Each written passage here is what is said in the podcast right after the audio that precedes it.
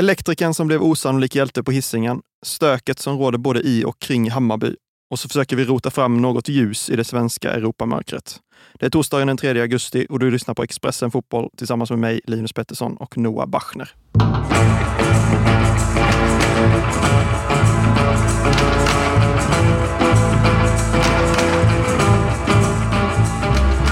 Ja, nu har vi börjat på hissingen i Göteborg där alla förväntade sig att Häcken skulle köra över de färöiska mästarna Klaxvik och ta sig vidare i Champions League-kvalet igår. Men eh, så blev det inte riktigt. Det var rimligt att förvänta sig det väl? Ja, eller hur? Eftersom det, Färöarna är en liten klump ute i vattnet där det bor 50 000 personer utspridda på ett gäng stenbitar. Och spelarna jobbar som snickare, elektriker och Ja, studerar deltid. men här är vi. Ja, här är vi. Du, innan vi går in på matchen tänkte jag eh, att vi skulle backa lite historiskt. Är det här det största Europafiaskot för ett svenskt lag? Alltså då måste man ju ta med alla styrkeförhållanden på något sätt. Att Ja, så vi- gör visst, det vi- nu. Vi, man, man reagerar ju extra på att, sådär, att de kommer från Färöarna.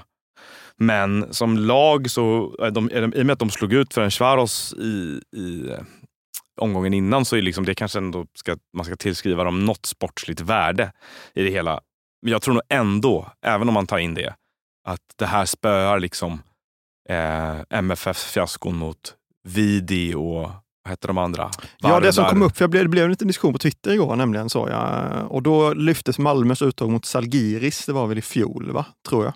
Ja, för två år sedan var det. Kanske två år sedan, ja. Ja. Och sen mot Vardar 2017. Ja. Det var de två som kom upp liksom som form av utmanare till det här fiaskot. Ja, och sen är det väl den här eh, IFK Göteborg mot Zimbro Chisinau i början på 2000-talet Just det, också. där de- 2022 de- ja, mot Moldavien. Faktiskt, ja. Och vi har ju ytterligare något där. Men då är det liksom, tror jag, att de andra lagen som åker ut mot lettiska lag och så där, det är väl typ att Gävle är ute och, och försöker och, och så. Nej, det här är nog det största, ja. Det är nog det största fiaskot. Med, tanke- med tanke på att eh, relativt tror jag Häcken också har en, liksom en ekonomiska förutsättningar förutsättningar som är väsensskilda eh, vad Klaxvik har. Och eh, eh, nej, det finns liksom ingenting som förmildrar omständigheterna egentligen. Nej. Det var ju 3-3 straffar och sen då seger för Klaxvik. Eh, det har ju pratats mycket om Häckens uteblivna anfallsvärvning, men igår kändes det nästan som att det var försvarsspelet som eh, fallerade för dem. Peter Abrahamsson borde ha plockat kanske två av de där målen. Ja, och jag menar, det här blir också då grejen att så här, är den här matchen ett uttryck för att svensk fotboll är så jävla dålig? Peter Abrahamsson brukar ju vara bättre än så där. Han brukar inte, han brukar inte kasta in bollar på det sättet. Och Häcken brukar vara bättre än så här. Det, det såg ju nästan ut som någonting mentalt. Och jag tror att de var väl inne på det med straff, straffarna där. Jag tror att Rygaard eller någon sa det efteråt. Att hans straff var, men, den var en mental blockad liksom, nästan. Men det är klart att den här känslan av att shit, vi kan förlora det här, den verkar ju ha drabbat dem ganska mycket. Och då kan man ju ta diskussionen vidare till att det här var en erfarenhetsförlust kanske. Att det, man behöver ha erfarenhet från, eller det är viktigt med erfarenhet från europeisk gruppspel eller europeisk kvalspel för att klara av att hantera olika situationer även mot lag som är mindre.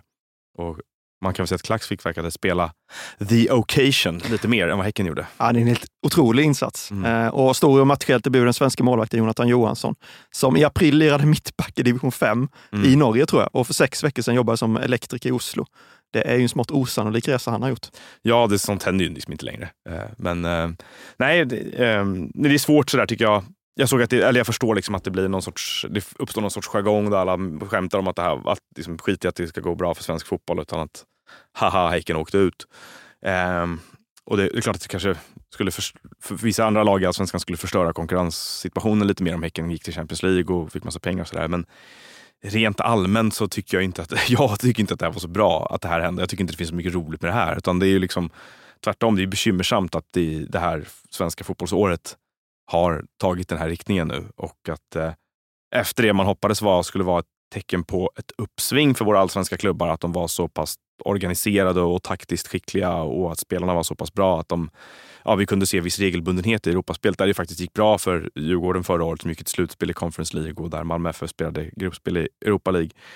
Så blir det här liksom ett steg tillbaka och på den här rankingen över var allsvenskan befinner sig i Europa nu så ser det här ut att kunna bli ett hiskeligt år. Allt kommer ju avgöras ikväll där på något sätt men vi har ju skrapat ihop 0,75 poäng och sånt där tror jag på den. Eh, och nu, ja, det, det finns väl lite räddningsplankor här i och med att Häcken ska kvala vidare ändå men det ser inte så bra ut. Ja, precis. De ska in i Europa ligkvalet där Salgiri, som vi nyss nämnde, väntar eh, härnäst. Men det var intressant, för jag tyckte eh, efter Hammarby-Norrköping där så sa ju, var ju Glenn Riddesholm, där Norrköpings tränare, det första han sa var nästan önskad lycka till till Hammarby här i det kommande Europakvalet. Ja. Det säger någonting om att det finns en, eh, många där ute som ser liksom vikten av att det går bra för svenska laget Det som, det som är bra fotboll. om det går bra för svenska lag i Europa, för alla andra lag, det är ju att vår ranking förbättras och då kommer fler lag få bättre förutsättningar i Europakvalen. Det verkar missas lite grann. alltså det, det som är bra, Malmö FF har ju tjänat ihop de här poängen ganska mycket åt svenska klubbar.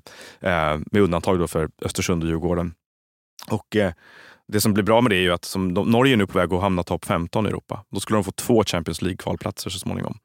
Det hade varit fantastiskt för Sverige att få så småningom också, om man vill ha in mer pengar i svensk fotboll och utveckla svensk fotboll. Så, det är ju, det, så, så går väl min tankegång. att ja, nej, det är ju, Man kan säga att man skiter i att vad som är bra och dåligt för svensk fotboll och, och att det skulle vara Eh, den här trickle down-effekten tror inte så många på. Det är kanske är all rätt att man inte gör det. Att pengarna hamnar inte nödvändigtvis i knät på andra klubbar i Sverige. Men i regel, vi behöver fler liksom, kvalificeringsplatser till de europeiska turneringarna. Välkommen till Coolbet där spänningen aldrig tar slut och underhållningen står i centrum. Här får du inte bara Sveriges bästa fotbollsodds, du får också en spel...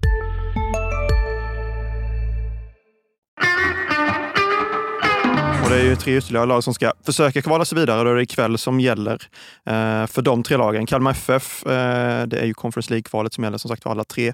Kalmar FF har rest till Armenien för att försöka vända en 1-2 förlust borta mot Pionik. Pionik, ja. Det mesta av snacket inför känns som har handlat om en väldigt lång resa mm. och ett väldigt varmt eh, klimat där nere. Det sägs bli upp mot 35-40 grader. Och ett extremt formsvagt Kalmar tyvärr. Va? Eller extremt, men de är ju inte i sin bästa form på hela säsongen. Så... Mm. Vad ger du Kalmar för Positiva tongångar inför den matchen. Eh, nej men herregud, de, det här laget de möter ska de väl kunna slå. Jag gissar att de är bättre än de spelare för spelare. Eh, det, det förutsätter jag nästan. Så att de behöver göra en bättre insats än i första matchen och, och höja sig liksom dagen till ära. Jag ger dem kanske bäst chanser att gå vidare, de tre lagen som spelar ikväll, fast de förlorade hemma. Mm. Resterande två lag ska vi också gå in på. Hammarby har ju en 1-2 förlust att vända, eller en 0-1 förlust att vända hemma mot nederländska Twente.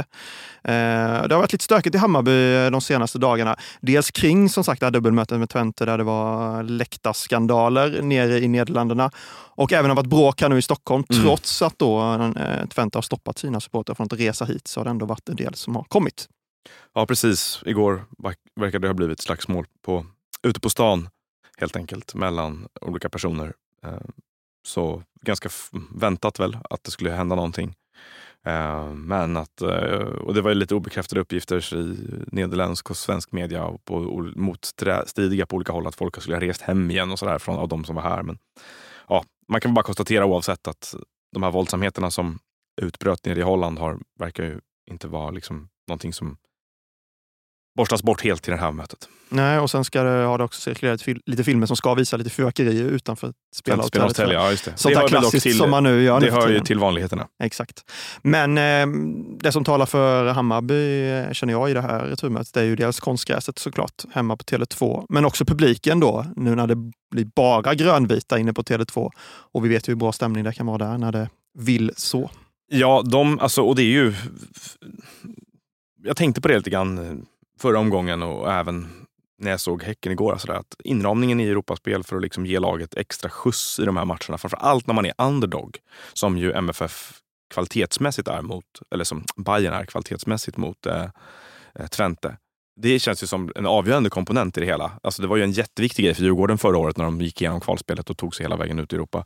Att de hade sån liksom, synergieffekter med publiken och jag tror för Hammarbys del ikväll så blir det där lika viktigt. Och det känns väl både som att spelare och publik kan liksom kapitalisera på allt, ja. som, allt stök som har hänt kring det här dubbelmötet. Ja, det finns någon extra energi, någon rivalitetskänsla i det som kommer höja intensitetsnivån mycket. Ja. Mm.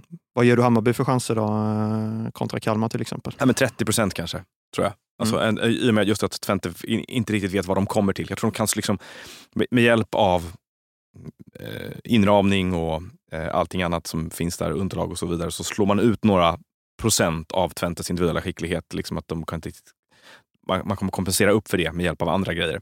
Så Ja, jag ger Hammarby 30 chans att gå vidare. Mm, vi satt ju båda och såg Hammarby mot Norrköping här i Mm. helgen. Där man spelade med någon form av fembackslinje och backade hem rätt mycket. Det kändes som ett litet test inför eh, det här mötet kanske. Det Ja, var väl de har lite liknande taktik man använde där nere i första mötet. Precis, de har ju sagt att de ska bli bättre. Besara var inne på det efter matchen. De har pratat internt om att de ska bli bättre på lågt försvar och inte ha bollen och acceptera sådana matchbilder mer, vilket de kanske hade lite problem med tidigare. Så det lär ju kunna bli perioder av matchen igen här mot Twente där de behöver acceptera att de inte har bollen hela tiden. Så det är väl det de har försökt öva på helt enkelt. Och vad gäller stök inne i klubben så har ju Tesfaye Teki varit i fokus Ja. de senaste dagarna. Han har ju saknats en del eh, i matchtrupp, inte fått spela så mycket efter sommaruppehållet. Var sjuk senast mot Norrköping var rapporterna från Sa Cifuentes. Martin Cifuentes då. Som, vilket Teki själv slog tillbaka med sen. Eh, Ja, Intressant hantering av situationen. Från, Från, vem? Eller? från alla. Ja. Från, från Marti om det är så att han inte var sjuk och från Teke om det var så att, att um, Marti sa någonting som inte stämde. Ja, det är märkligt allting. Vad säger du om eh, Teki eh, generellt? Då? Invärvad som ett ganska stort namn och Ja. har gjort det ganska bra tycker jag från och till i alla fall. Och förväntas väl nästan vara någon form av eh, nyckelspelare på det här mittfältet. Ja, jag tycker han är en bra spelare också. Men det har inte riktigt, det är väl som i hela Hammarby, det ju svårt att hitta liksom en formel för att alla ska kännas nöjda och glada i år. Och hackat mycket fram och tillbaka. Och en sån spelare som kanske kom dit med förväntningar på att de skulle vara med i toppen mer och så vidare. Eh, han har hoppat runt mycket Teke mellan olika klubbar också. Man har haft en riktigt en stressig karriär får man Mm. säga fram till nu. Jag vet att när han lämnade Norrköping en gång i tiden så var de lite sådär frågande internt. Att var, det verkligen, var han verkligen mogen för att gå nu och så. Så eh, han känns inte riktigt eh, rofylld. Har inte gjort det på ganska länge tycker jag. Men med det sagt så vet jag ingenting vad som har hänt här och nu. Att, eh, om vem som har gjort rätt och fel eller vem som talar sanning och osanning har jag ingen aning om. Men, men eh, olyckligt för Hammarby för att han var en viktig pusselbit i det lagbygget de byggde inför i år. Så vi får väl se om det finns en väg tillbaka från honom. Ja, precis. Teki är med i matchtruppen idag i alla fall, så Mm. det blir väl något att hålla ett öga på ikväll också eh, på Tele2 Arena. Och sen det sista laget då, eh, Djurgården som åkt ner till Schweiz och Lausanne, där de precis som Kalmar har en 2-1 förlust att försöka göra någonting av. Eh, vad ger du dem för procentchanser att lyckas vända och gå vidare? Ja, men det är väl ungefär som Hammarbys kanske. Jag skulle säga att det är 30 procent. Mycket med tanke på att de har erfarenhet av de här. Eh, alltså den där spelargruppen är ju inte helt intakt, men den har ju, bär ju stora likheter med den som var ute i Europa förra året. Och de har stora erfarenheter av, av, av att spela under press i Europa, även på bortaplan och sådär. Um, mötte ju ett lag som inte såg övermäktigt ut på hemmaplan och var väl egentligen mer förtjänta av, en, av segern än vad Luzern var när 90 minuter gick mot sitt slut där. Eh, och hade lite otur som släppte in det där målet sent. Så att, eh, de har en svår uppgift framför sig för de måste, för de måste vinna matchen borta mot dem. Men eh, de vann ju mot ännu bättre lag förra året. Jag tror väl att Luzern är väl kanske ett lag som man ska sätta i paritet med ja, Gent eller Molde eller de lagen som, som Djurgården mötte förra året. Så jag tycker kanske inte att de ska dömas ut på något sätt utan 30, 30 procents möjlighet att gå vidare. Och sen är det ju fördelen som sagt att man har skrotat bortamålsregeln och det räcker Mm. faktiskt med 1-0 för att ta det till förlängning. Ja, så det är väl också någonting som talar för dem. Ja, det, det, räcker, precis, det räcker med ett mål för att ta det till förlängning. Och att de släppte, precis, att de släppte in två mål på hemmaplan blir ju inte lika blodigt då i det här fallet. Nej. Och vad gäller laget så har ju Magnus Eriksson, lagkaptenen nu, efter en del skriverier, rubriker eh, och säkerligen diskussion internt, startat två raka matcher. Eh, och vi tyckte väl båda att han var rätt bra i det första mötet med Lausanne.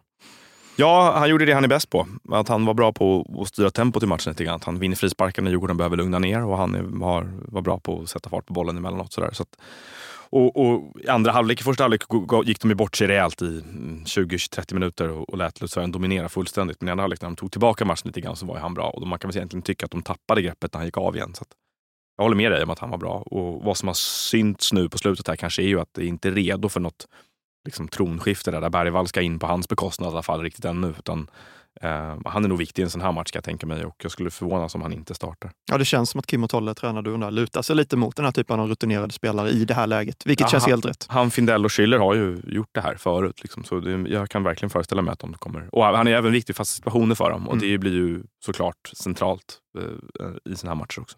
Annars har ju mycket handlat om vänsterbacksplatsen. Nye Mm. Rami Kaib har kommit in, fått en tuff start. Eh, Mm. Samuel Dahl, bra, kanske deras bästa spelare mot Mjällby här i helgen. Är det han som startar ikväll? Ja, väldigt bra fråga.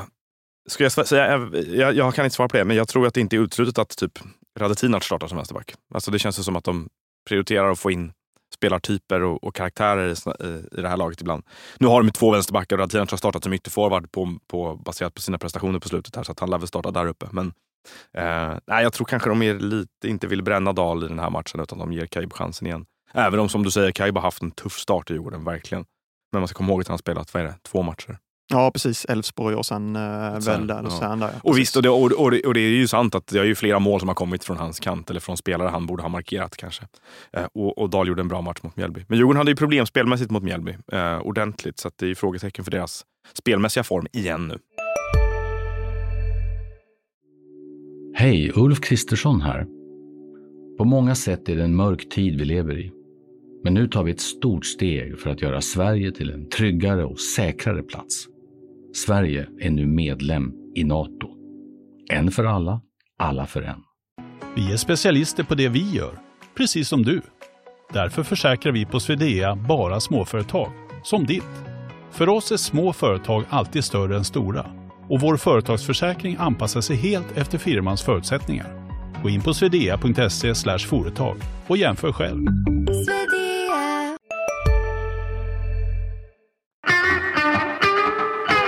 Men du, eh, om det blir tre raka uttag även här också, om Kalmar, mm. eh, Djurgården, Hammarby gör som Häcken eh, igår, vad, vad, vad, känner du då? Ja, då är det ju så, då kan man inte liksom riktigt göra bokslut eftersom Häcken kan kvala vidare i både Europa League och Europa, därefter Europa Conference League. Det är otroligt vad många... Ja, det är räddningsplankor överallt. Ja.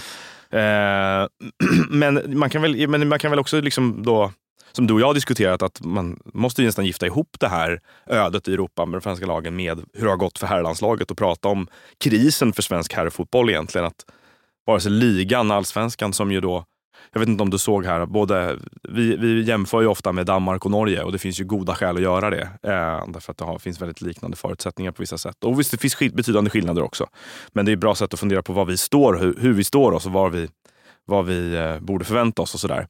Men eh, Nej, men vi under fjolåret blev vi frånsprungna. De sålde ju spelare ut till Europa för mycket mer pengar. Och de, eh, danska och norska spelare fick spela mer ut i Europas tio och fem bästa ligor än vad svenska spelare fick. Vårt landslag eh, stapplar igenom EM-kvalet och ska mycket till för att de ska kvalificera sig för EM. Nu förvisso Norge på väg mot ett liknande öde, men ändå. Eh, det finns saker, på, på ungdomsnivå så ser man hur deras landslag kvalificerar sig för mycket ungdomsmästerskap och det gör inte våra i samma utsträckning.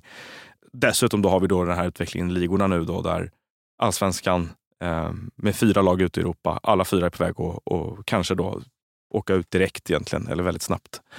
Medan danska och, och, norska lag eh, inte gör det. Då. Så det, det, är, det är en mörk tid för, för svensk fotboll och jag tror man behöver ta... Jag väntar fortfarande på det här visionära liksom, krafttaget på något sätt. Att hur ska vi staka ut en bättre framtid än det här? Därför att det känns lite som att det här passerar i bakgrunden. Att man, det finns fortfarande någon idé om att saker och ting är bra i svensk fotboll. Och det, det, det är det ju inte. Nej. Om vi ska rota fram något, vi lovade något form av ljus i det här Europamörkret. Mm. Är det fortfarande att, att tre matcher ska spelas ikväll? Ja, men att, att alla de tre lagen ikväll kan gå vidare. Alltså, det måste man vara villig att säga, eller ärlig och erkänna. Att det, det finns ju fortfarande en, en, en, inte alls liksom försumbar möjlighet att de här tre lagen går vidare ikväll. Uh, och då talar vi om en helt annan scenario plötsligt. Då är det guld och gröna skogar. Då är det mår svensk fotboll för toppen. Nej. Det får bli slutorden för dagens Expressen Fotboll. Följ såklart kvällens matcher på eh, Expressen.se och så kommer ett nytt avsnitt av podcasten imorgon.